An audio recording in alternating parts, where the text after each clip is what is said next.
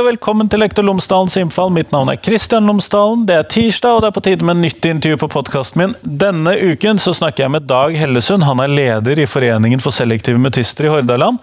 Og vi snakker om de utfordringene som særlig gjelder denne gruppen, og vi sveiper også innom andre temaer som både frafall og skolevegring. Men det er tilpasning til denne elevgruppen som er hovedtema. For min egen del så har jeg bare vagt hørt om denne gruppen tidligere.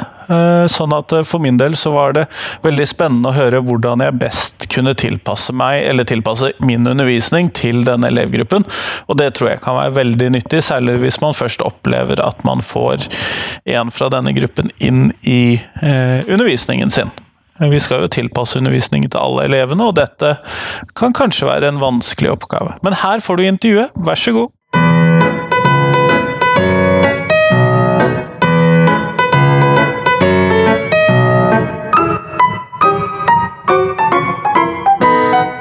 Dag Hellesund, tusen takk for at du har eh, tatt deg tid til å komme hit i dag.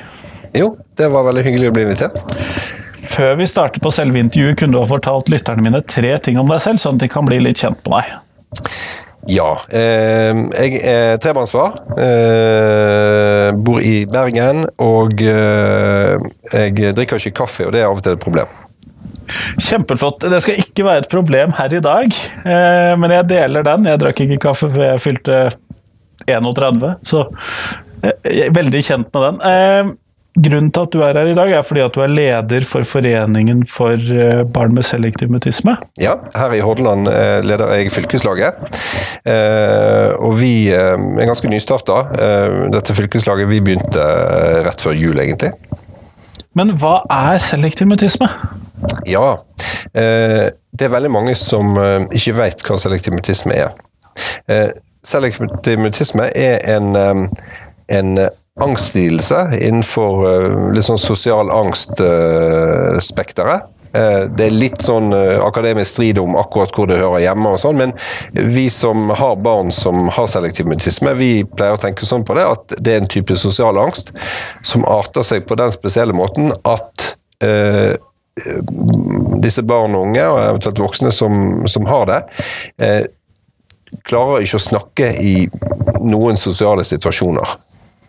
Eh, det finnes eh, de som man på en måte sjelden merker det på, og så er det mange som ikke snakker eh, noe særlig på skolen. Kanskje snakker de med bestekompisen, eller de snakker med noen av de voksne på skolen, eller kanskje snakker de med ingen på skolen. Det er det òg en del som, som gjør. Så det er ganske variabelt hvor mye, eller hvor ofte denne selektive mutismen slår inn, da, sånn i forhold til hvilke typer situasjoner? Ja, øh, og, og, så er det helt, gjerne helt situasjonsavhengig. Selv om en kan snakke med, med kamerater på, på, skolen, så hvis de treffes på butikken, så er det ikke sikkert at det er så lett å snakke der. Eh, så, så det kan være veldig sånn situasjonsavhengig. Og, og, noen snakker ikke med alle i, i familien, eh, til og med i nær familie. Det er nok sjeldent, men i hvert fall. Eh, det er ganske ofte at man ikke snakker med litt sånn mer perifere slektninger. Altså man snakker gjerne med besteforeldrene, som man ser ofte, men ikke med tanter og onkler, som man ser mer sjelden.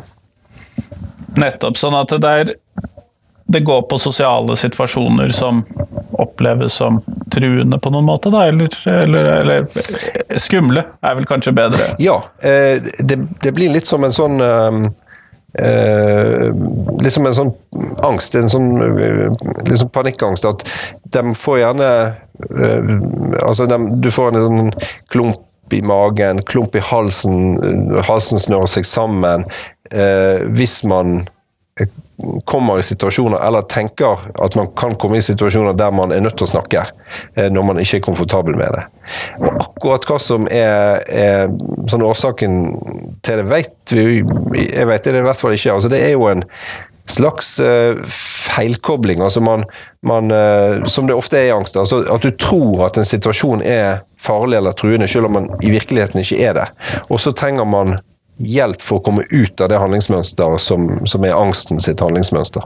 Ja, for dette er jo da en del av fight, flight or freeze som respons på hvordan vi opplever situasjoner. Eh, slik jeg oppfatter det, i hvert fall. Men eh, denne organisasjonen er da en organisasjon for både de som eh, sliter med denne med selektiv mutisme, og for foreldrene, eller hvordan er det? Ja, det er en organisasjon som både barn og unge med selektiv mutisme, eller voksne eh, med selektiv mutisme, kan være med i. Eh, foreldre, familie eh, og fagpersoner. Så det er en, en brei interesseorganisasjon for, for problemstillinger rundt selektiv mutisme. Den ble har eksistert i noen år, men så ble han pusta liv igjen i, i, for et par år siden av en, en veldig driftig gjeng eh, på Sør- og Østlandet. Eh, og så har vi kommet med her på, på Vestlandet og starta et eh, lokallag her, der vi har litt møter og aktiviteter. Kjempeflott. Men eh, det, måten du beskriver eh, selektiv mutisme, så ville jeg jo anta at dette går ganske hardt utover skolegangen for de som sliter med dette og er i skolealder? Ja, eh, det er Det er nok ganske varierende der òg. Fordi at um, du, du, nevnte det med frys. Og det er, det er en, typisk sånn redaksjon, eh, en typisk reaksjon fra eh, selektive mimetister. da. Eh, vi kaller, det ofte sånn SM, da, eh, blant de, de innvidde. Um, de som har uh, eh, SM, ofte, kan ofte gå i frys for sånn stoneface. Altså, man, hvis du spør dem direkte, f.eks. et direkte spørsmål, så uh, kan de fort gå sånn helt i frys. Og da, da, det kan du se ganske lett. Uh, så hvis man ser, altså hvis lærere eller andre ser symptomer som er sånn at de går i frys, så, så det, kan det godt være det. Det som òg er viktig å vite for lærere og andre, er at eh, disse ungene kan fort blir oppfattet som trassige. At nei, de nekter å svare på et spørsmål, f.eks. Eller, eller de, de, de, vil ikke snakke, eller de, at det er noe som de sjøl har valgt. Men det er altså ikke riktig. Dette er uh, unger som altså det, det, er angstreaksjonen som De vil egentlig snakke. Det, det hender selvfølgelig at de, de, ikke vil si noe hvis de ikke vet svaret på et spørsmål. eller sånt, men, men, i utgangspunktet så, så, er dette unger som ønsker å snakke, men som ikke får det til. Um, og det er klart, det er vanskelig i skolen, der det er Muntlig, uh, muntlighet er, er, viktig, og muntlig deltakelse er viktig uh, på alle nivå i, i skolen. Um, og da er det eh, men så finnes det noen teknikker på en måte rundt det. da. Um, og, og, det som kalles for defokusert kommunikasjon, da. Det er en sånn måte å tilnærme seg på det. Det er mye bedre å snakke om noe annet. Altså en, en, en ting en, man begge ser for seg, eller eh, ikke stille direkte spørsmål som, som, på en måte er nødt til å besvares. Da eh, blir det fort frys. Mens hvis man fokuserer på, på andre ting og snakker om, om noen andre ting, sånn at eh, dette barnet kan på en, måte, på en naturlig måte eventuelt bli med i samtalen, det er en bedre måte å eh, kommunisere med disse på. Og så snakker de jo altså Selv om de ikke snakker, da, så kommuniserer de jo mye likevel. For de kommuniserer med kroppsspråk og, og nikker og rister på hodet. Og, og det fins f.eks. For, for de små så er det sånn at man kan En del på sånn spesialpedagognivå så, så har man kanskje at man leker med dyrelyder. ikke sant? Altså At du kan få dem til å spille et spill med dyrelyder, eh, selv om du ikke får dem til å, å snakke direkte. da. Så det er mange måter å øve opp eh, det her på. da. Men det, jeg kan jo tenke meg at det tidvis kan virke som en litt provoserende diagnose, sånn eh, eller tilstand, sånn med tanke på at hvis de da snakker med bestevennen, men ikke med læreren, eller snakker med læreren, men ikke med de andre i klassen, f.eks. Sånne type sosiale vansker knyttet til dette. Ja, det, er, det kan virke veldig provoserende eh, på oss voksne. Fordi at eh, det, det, virker jo som en, en sånn eh, handling at ja, de vil, ja, de vil jo ikke snakke, ikke sant. Og, og da kan fort vår eh, respons bli at vi, vi, setter liksom hardt mot hardt. Eh, du skal, ja, men du må svare på dette spørsmålet, eller eh, Av og til hører vi eh, liksom groteske historier fra, fra barnehagen. Fordi at eh, det barnehageansatte fort vil erfare her, er at disse ungene tør gjerne ikke si fra hvis de må på do. Eh, og da har det hendt at eh, de barnehageansatte har liksom tenkt at ja, men nå skal vi nå skal vi få eh, den og den til å, å, å si noe, fordi at uh, før eller senere så må, må jo den ungen på do, ikke sant? Og da, da blir ofte resultatet at uh, um, ungen går med våt bleie eller bukse eller noe sånt lenge før, eller hele dagen eventuelt. ikke sant? Fordi at jo mer du pusher på for å få disse til å snakke, jo større blir jo angsten. sant? Eh, og dette er unger som har trent i mange år på å la være å si noe. Eh, ofte kan de òg, uh, hvis de slår seg f.eks., så opplever jeg ofte at de ikke, altså særlig ung når de er små, da, de, ikke, de, de, gråter ikke så mye. De, de gir ikke uttrykk for så mye smerte. Eh, og det er òg fordi at de har lært seg å eh, på en måte teknikker for å unngå Det vil jo kreve at de stikker seg fram. Ja, og, og, det er veldig viktig det du sier der. For det er det å stikke seg fram eh, som på en måte er det Altså det å si noe er opplever dem som en måte å stikke seg fram på. Og De ønsker, de ønsker ikke fokus på seg sjøl. Altså de, det er det fokuset eh, de, de er redde for. da. Og, og, at en får det gjennom å snakke. Og, og der er nok sikkert en, en likhet uh, med, med, andre typer sosial angst. ikke sant? At det er denne her Det å spørre noen fremmede om også, ja, det, det å bli fokus. At, at, at, du blir sett, på en måte. Det, det er noe av grunnlaget for angsten. Det høres jo, For en som ikke har selektiv mutisme høres, og ikke har noen stor kjennskap til det som jeg har, så høres det ut som en slags, hvis vi skal kalle det scenefrykt, men som gjelder for hele verden? Ja, ja det, det, er veldig sant. Altså, han, vi har jo en, en 13-åring, og det er sånn skoleavslutning, og sånn, så, så, sitter han bak og styrer lyden. Han, han står aldri på en scene. Det, I hvert fall i, i, dag så gjør han ikke det. Så får vi se i, i framtida. Men, men, det er absolutt en, en scenefrykt som er, har tatt helt av. Men hvilke tilpasninger for deg som forelder, hvilke tilpasninger tenker du at det er viktig at skolen gjør med tanke på dette? Um, for det første er det jo viktig at man har en uh, god dialog med, mellom foreldre og, og skole. Og så er det veldig viktig at skolen setter seg inn i dette. Uh, hva er selektiv mutisme? Og hvordan takler man det? Fordi at denne utbredelsen på selektiv mutisme, det er uh, altfor lite forskning på det, men det ligger kanskje oppunder 1% av befolkningen opp til 18 år. da.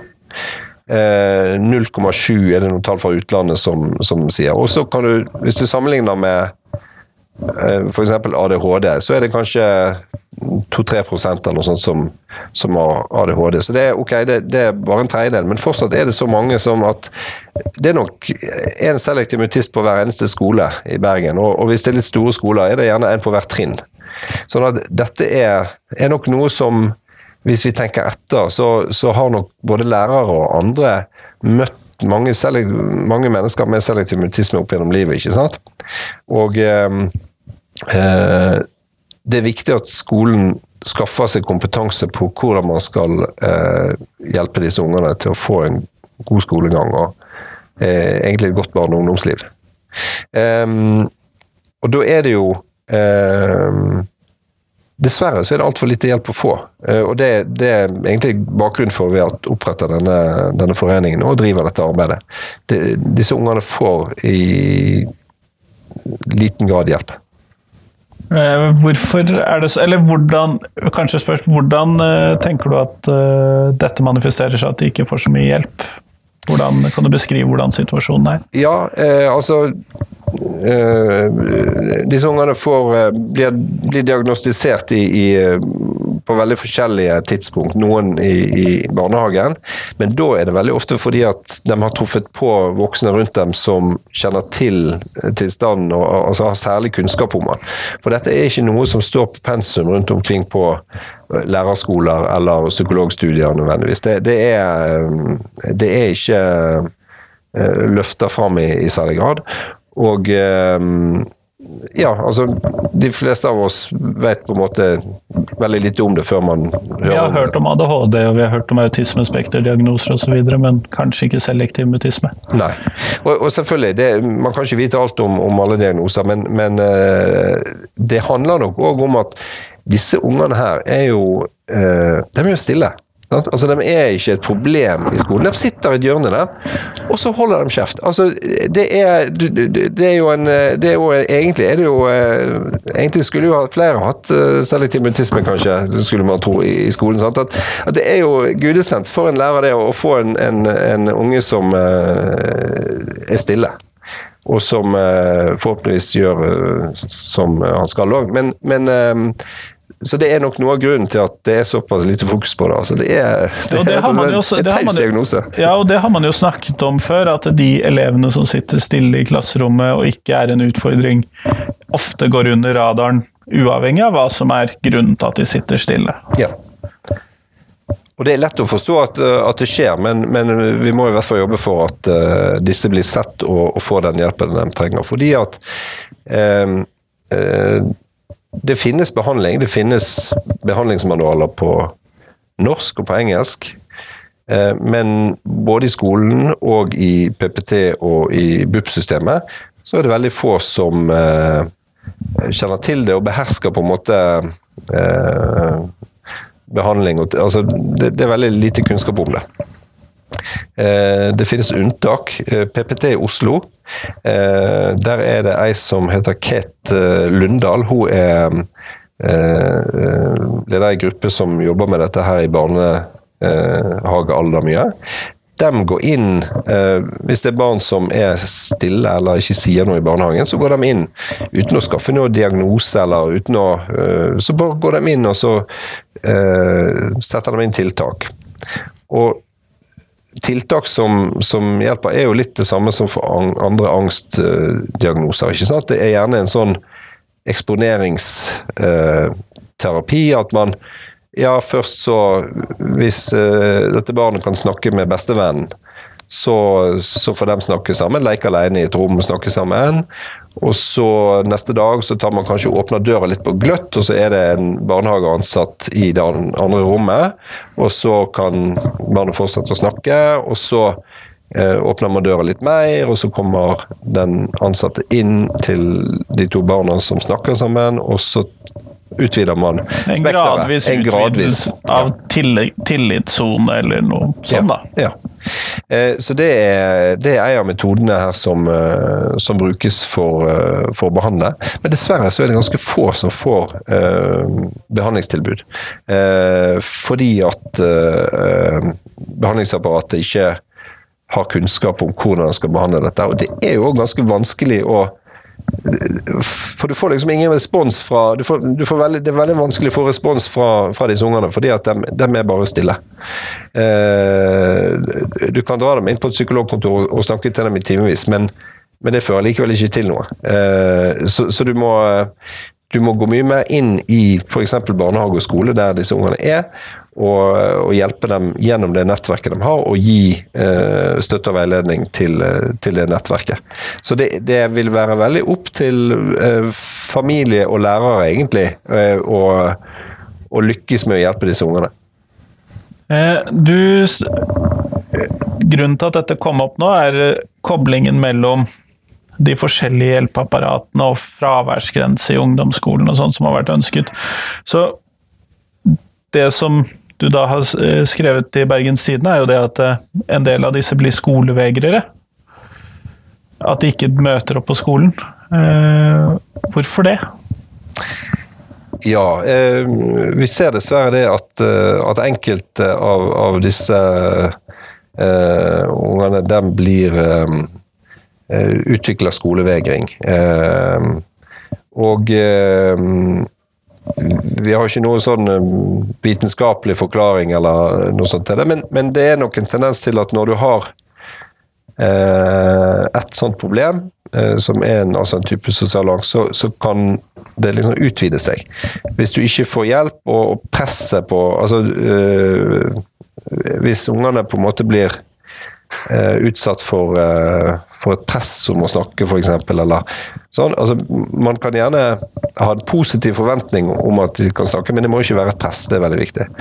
Eh, og dette er selvfølgelig vanskelig å få til. Og skolen er jo full av skumle sosiale situasjoner. Ja, det er det. Skolehverdagen er. ja, det er, det er sånn han er. Og, og, og, hvis man ikke får gjort riktig tiltak, så kan man da ser vi det at man ut, kan utvikle andre ting. ikke sant? Eh, eh sosial angst, skolevegring. Eh, og da kan det ende opp i at, eh, at, man ikke går på skolen. Og da, har jeg noen som har opplevd at ja, men eh, da kan ikke PPT hjelpe, for dem skal jo hjelpe de som går på skolen. Og så sier BUP at de ikke kan hjelpe, for dette er jo PPT som burde gjøre noe med. Altså det, er, det blir en veldig veldig vanskelig situasjon og et enormt nederlag. Både for de ungene og foreldrene, og selvfølgelig også lærerne og, og hjelpeapparatet rundt. For, for, her er det eh, Altså, vi, vi, vet jo noe om, om konsekvensene av dette her. Eh, sosial isolasjon er jo um, en konsekvens, fordi at det er Ettersom ungene blir større, så er det vanskelig å på en måte det er forventa at de sjøl klarer å avtale å gå på kino med, med vennene sine. Og sånn, og, og, hvis de ikke snakker i, i, i, særlig grad Det kan selvfølgelig variere. Hvis de snakker mye med kompiser, og sånn, så kan det gå bra. Men hvis de ikke klarer det heller, så blir de jo etter hvert veldig isolerte sosialt. Det er liksom uh, rommet er, er, det rommet de har, og på en måte andre aktiviteter som er er satt i verk av, av foreldre og, og, nettverket rundt. Eh, de kan utvikle eh, Jeg treffer en del eh, unge voksne som har slitt med, sosial, med selektiv mutisme, og som fortsatt sliter med det. Og som fort kan ende opp med uføretrygd. Altså, det er, det er Dette er unger som vi rett og slett bare må hjelpe. For ellers så kan det gå, gå virkelig galt både for dem og, og for samfunnet. Um, så, så, det er all, all grunn til å gjøre, gjøre tiltak, og, og, gjøre det tidlig. Så tidlig som mulig. For da kan vi unngå at problemene utvikler seg til f.eks. en mer omfattende sosial angst, eller en, en, en skolevegring, eller hva det, hva det måtte være. Men hvis vi da skulle tenke litt på hvordan man skulle tilpasse det for denne gruppen i klasserommet, så høres det ut som man tidvis må ha de eh, med aleneundervisning, eller tidvis med ganske store tilpasninger i klasserommet, da, for noen, noen, av disse. Ja. Eh, tilpasning går jo ofte sånn Ja, eh, aleneundervisning, eller i hvert fall små grupper. Det, det, er lettere å føle seg eh, tilpass for disse elevene, ofte i små grupper. Eh, forutsigbarhet i, i skolehverdagen er òg viktig. At man at en vet hva pult de skal sitte på, eh, at en vet hva som skal skje neste dag. Eh, at en vet hvem som sitter på, på nabopulten, og, og, at det er kanskje noen de, de kjenner og klarer å kommunisere med eller snakke med. Eller. Så, sånne ting er, er, veldig veldig viktige eh, for, for disse ungene. Det høres ut som mange av elevene kunne ha gått. ja, det, ja, og sånn bør det jo òg være. ikke sant? At, at ungene har trygge gode rammer eh, i skolehverdagen sin, altså. Og, og disse òg. Altså. Men, men, det er klart at eh, konsekvensene for disse kan bli eh, nok litt alvorligere enn for, eh, for en, en, helt vanlig unge dersom de ikke får, får den roen liksom, rundt situasjonen. Mm. Det høres jo ut som denne trenden med eh, baseskole eller fleksible arealer gjør det litt vanskelig for denne elevgruppen?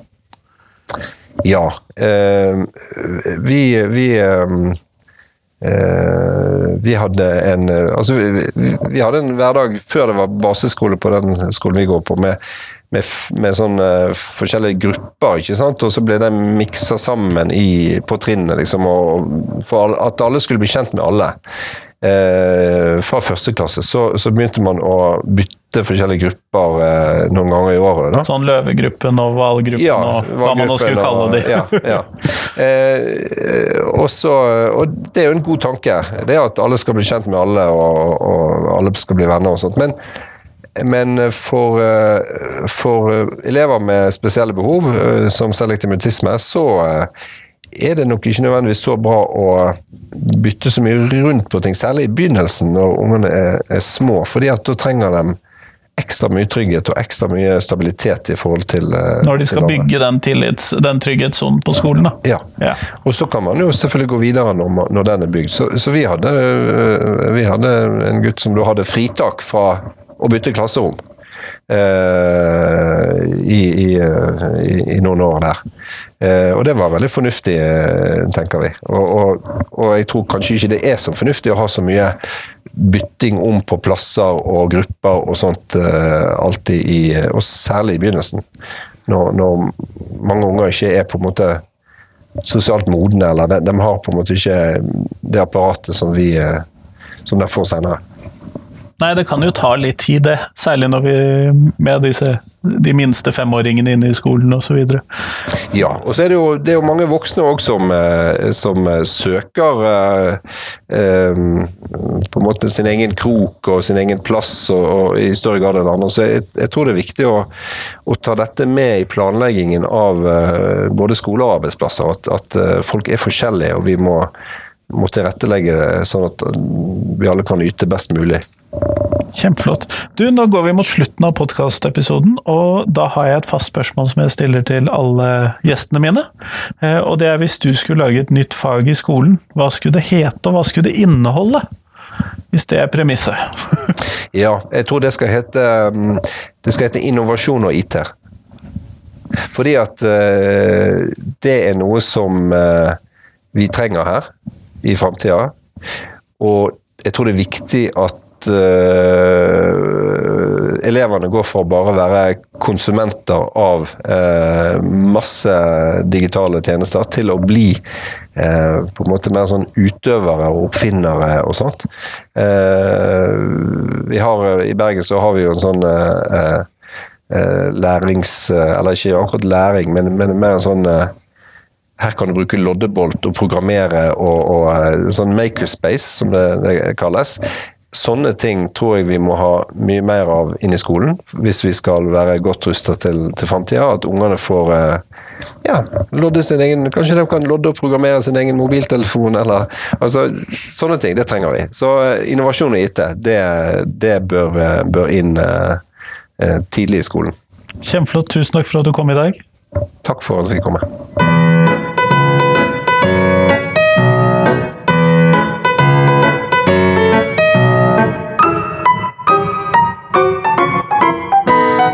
Tusen takk til Dag Hellesund, og tusen takk til deg som har hørt på. Eh, siden jeg har en del intervjuer liggende fra Dembra-konferansen, så kommer vi nok til å kjøre litt hurtigere gjennom noen uker nå, med flere intervjuer i uken, dvs. Si to intervjuer i uken. På fredag så kommer det et intervju med Emma Arnebekk og Jan Jemte fra Ørebro universitet, og de skal snakke om hvordan bruke skolen til å motvirke rasisme, og hvordan skolene kan motvirke rasisme i skoledriften. Sånn at eh, det tror jeg blir et spennende intervju, og er jo da som sagt en del av Dembra-konferansen. Men det intervjuet kom på fredag, så høres vi da. Hei, hei!